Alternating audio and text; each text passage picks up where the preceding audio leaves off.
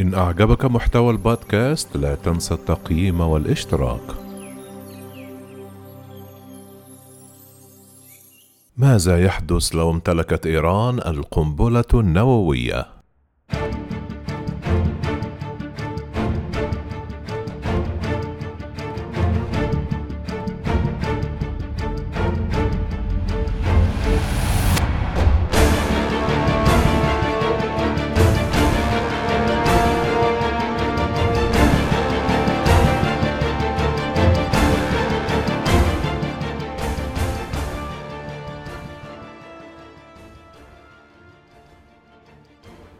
اعتادت إيران انتهاك الاتفاق النووي المبرم عام 2015 إلا أن آخر ما قامت به يحمل حساسية كبيرة نظرا لأنه قد يمهد لإنتاج أسلحة نووية في منطقة الشرق الأوسط المضطربة بالفعل.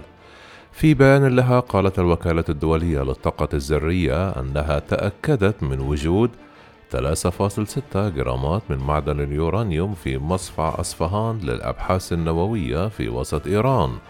ومنذ شهر أعلنت إيران زيادة نسبة تخصيب اليورانيوم إلى 20% وهو مستوى أعلى بكثير من معدل 3.67 المنصوص عليه في الاتفاق. يعد الانتهاك الأخير بمثابة نكسة جديدة للاتفاق النووي الذي انسحب منه الرئيس الأمريكي السابق دونالد ترامب عام 2018 معيدا فرض عقوبات على إيران وردا على الانسحاب أعلنت طهران أنها ستتحرر من تعهدات الاتفاق. ويثير التحرر الأخير تساؤلان بشأن ما سيحدث بعد حيازة إيران أسلحة نووية. يقول جوردان ستيكلر الباحث بمنظمة متحدون ضد إيران النووية ومقرها نيويورك لا تريد إيران بالضرورة حيازة سلاح نووي الأمر الذي قد يستدعي معارضة المجتمع الدولي وعقوبات قاسية وهجوما محتملا لثنيها عن ذلك. وفي حديث له رجح ستيكلر أن تسعى إيران إلى حيازة أسلحة نووية. لأن هذا السعي سيوفر لها إمكانية التطوير وبالتالي الإنتاج في الوقت الذي تختاره.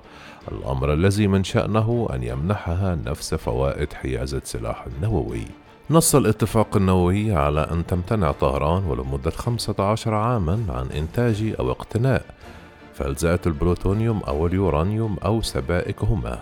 وعن إجراء أنشطة بحث وتطوير تعدين البلوتونيوم أو اليورانيوم أو صب فلزات البلوتونيوم أو اليورانيوم أو تشكيلها أو صنعها آليا. إذا لماذا تسعى إيران للنووي؟ تنفي إيران سعيها لحيازة أسلحة نووية وتقول أنها لا تريد استخدام الطاقة النووية سوى للأغراض السلمية، لكنها في نفس الوقت تسرع من وتيرة انتهاك القيود المفروضة على أنشطتها النووية بموجب الاتفاق. وعن الأسباب وراء ذلك يقول ستيكلر أن جوهر سياسة إيران الخارجية يهدف إلى إخراج الولايات المتحدة من المنطقة مقابل توسيع نفوذها. وأضاف أنه منذ الثورة الإسلامية عام 1979 تبنت طهران وجهة نظر تآمرية حول دور الولايات المتحدة في الشرق الأوسط وهي مقتنعة بأنه بصرف النظر عمن يحكم البيت الأبيض فإن واشنطن عازمة على تغيير النظام الإيراني وتبع بالتالي فأن سعي إيران لامتلاك أسلحة نووية هو نتيجة حسابات استراتيجية تجبرها على السعي وراء رادع قابل للتطبيق ضد مجموعة التهديدات التي تشعر أنها تنحاز ضدها.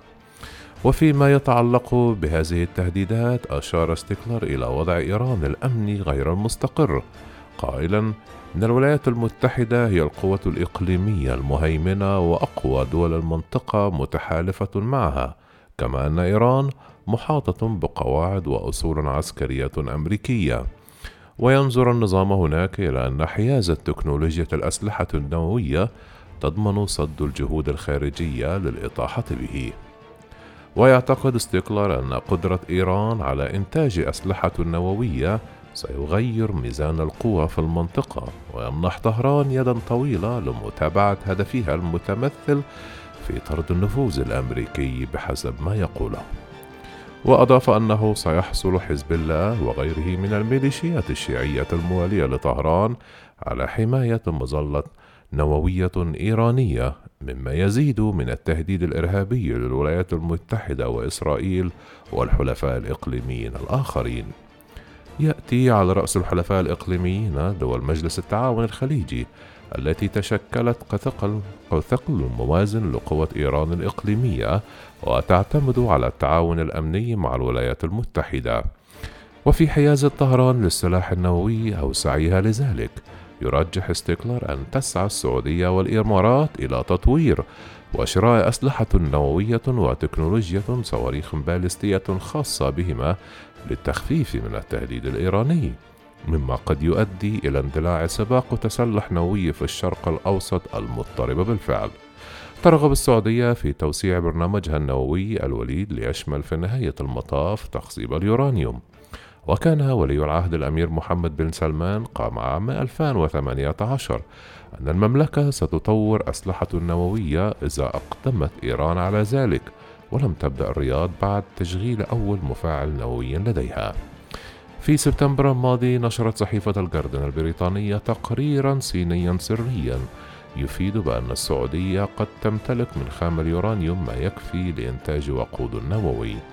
وعد هذا التقرير جيولوجيون صينيون كانوا يسعون لمساعدة الرياض على تحديد احتياطاتها من اليورانيوم كجزء من اتفاقية التعاون في مجال الطاقة النووية. وفي هذا الإطار يقول مسعود الفك الخبير في الشأن الإيراني إن حيازة إيران أسلحة نووية ستؤدي إلى خلل عميق في التوازن الاستراتيجي بينها وبين الدول العربية. كما قال الفك أن السلاح النووي الإيراني لن يشكل خطرا كبيرا على الدول التي تمتلك رادعا نوويا مثل الدول الأوروبية والولايات المتحدة وإسرائيل وروسيا أو حتى جارة إيران الشرقية باكستان أو تركيا التي يحميها الرادع النووي بحلف شمال الأطلسي الناتو. وتابع العرب وحدهم سيكونون على رأس قائمة الخاسرين. وسيصبح أمنهم القومي تحت رحمة إيران وبذلك ستأخذ عملية بسط نفوذ إيران في العالم العربي وتيرة متسارعة. في ديسمبر من عام 2019 ذكر تقرير لوكالة مخابرات الدفاع الأمريكية أن إيران تعتمد على ثلاث قدرات عسكرية رئيسية هي برنامج الصواريخ البالستية والقوات البحرية التي يمكن أن تهدد الملاحة في منطقة الخليج المنتجة للنفط. ووكلاؤهما من الجماعات المسلحة في دول مثل سوريا والعراق ولبنان. وفي حال حيازة وتطوير أسلحة إيران يرى ستيكلر أن إيران ستستغل ذلك من أجل كسب نفوذ اقتصادي كبير عبر تهديد ممرات الملاحة سواء النفطية أو غير النفطية. وتعطل حركة الشحن عبر مضيق هرمز الشريان الذي يمر من خلاله خمس إنتاج للنفط العالمي إلى جانب مضيق باب المندب. وقد يدفع أي توقف للإمدادات النفطية أسعار الخام للارتفاع الحاد حيث يقول ستيكلر عبر التهديد فقط بتقييد الوصول إلى الإمدادات يمكن لإيران أن تتسبب في ارتفاع كبير في أسعار النفط والغاز في جميع أنحاء دول العالم. وأضاف ستكون خيارات البحرية الأمريكية في الرد على الاستفزازات الإيرانية محدودة بسبب الورقة النووية الرابحة. وفي السيناريو الافتراضي لحيازتها أسلحة نووية يؤكد ستيكلر أن تنتهي العزلة الاستراتيجية والاقتصادية لإيران مما يمكنها من بناء شبكة من الحلفاء مع تحييد خصومها الإقليميين. وفي نفس السياق أشار إلى أن النظام الإيراني سيكون لديه مساحة أكبر لعدم الانصياع للقانون وزعزعة الاستقرار بالمنطقة أكثر مما هو عليه بالفعل ولذلك شدد الباحث بمنظمة متحدون ضد إيران النووية على ضرورة أن يتحد المجتمع الدولي لمنع إيران من الحصول على قدرة أسلحة نووية. في مايو من عام 2019 طالبت المملكة العربية السعودية المجتمع الدولي والأمم المتحدة والوكالة الدولية للطاقة الذرية لحث إيران على توقيع اتفاقية الأمان النووي. وعبرت المملكة في كلمة أمام لجنة تحضيرية لمؤتمر مراجعة معاهدة منع الانتشار النووي عن قلقها مما يشكله مفاعل بوشهر من أخطار خاصة في ظل وقوعه على خط زلزالي نشط مما يعرض المنطقة إلى خطر جسيم جراء أي تسرب إشعاعي على الهواء والغذاء ومحطات تحلية المياه.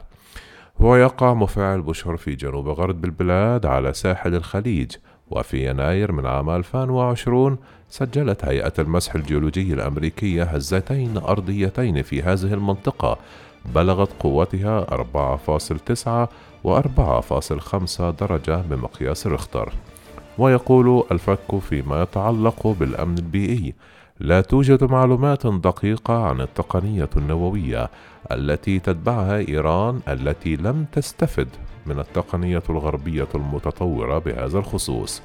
وفيما يتعلق بالزلزال التي تهدد يشهدها موقع مفاعل بوشهر قال الفك. أي تسرب إشعاعي لن تقتصر تداعياته على البيئة فقط بل سيؤثر على الحياة الاقتصادية وقد يتسبب في نزوح جماعي من المناطق الملوثة على ضفتي الخليج. ومضى يقول الأمر بلا شك؟ سيترك مضاعفات اقتصادية وسياسية واجتماعية كارثية تتجاوز حدود إيران لتؤثر على دول الجوار وخاصة العربية منها.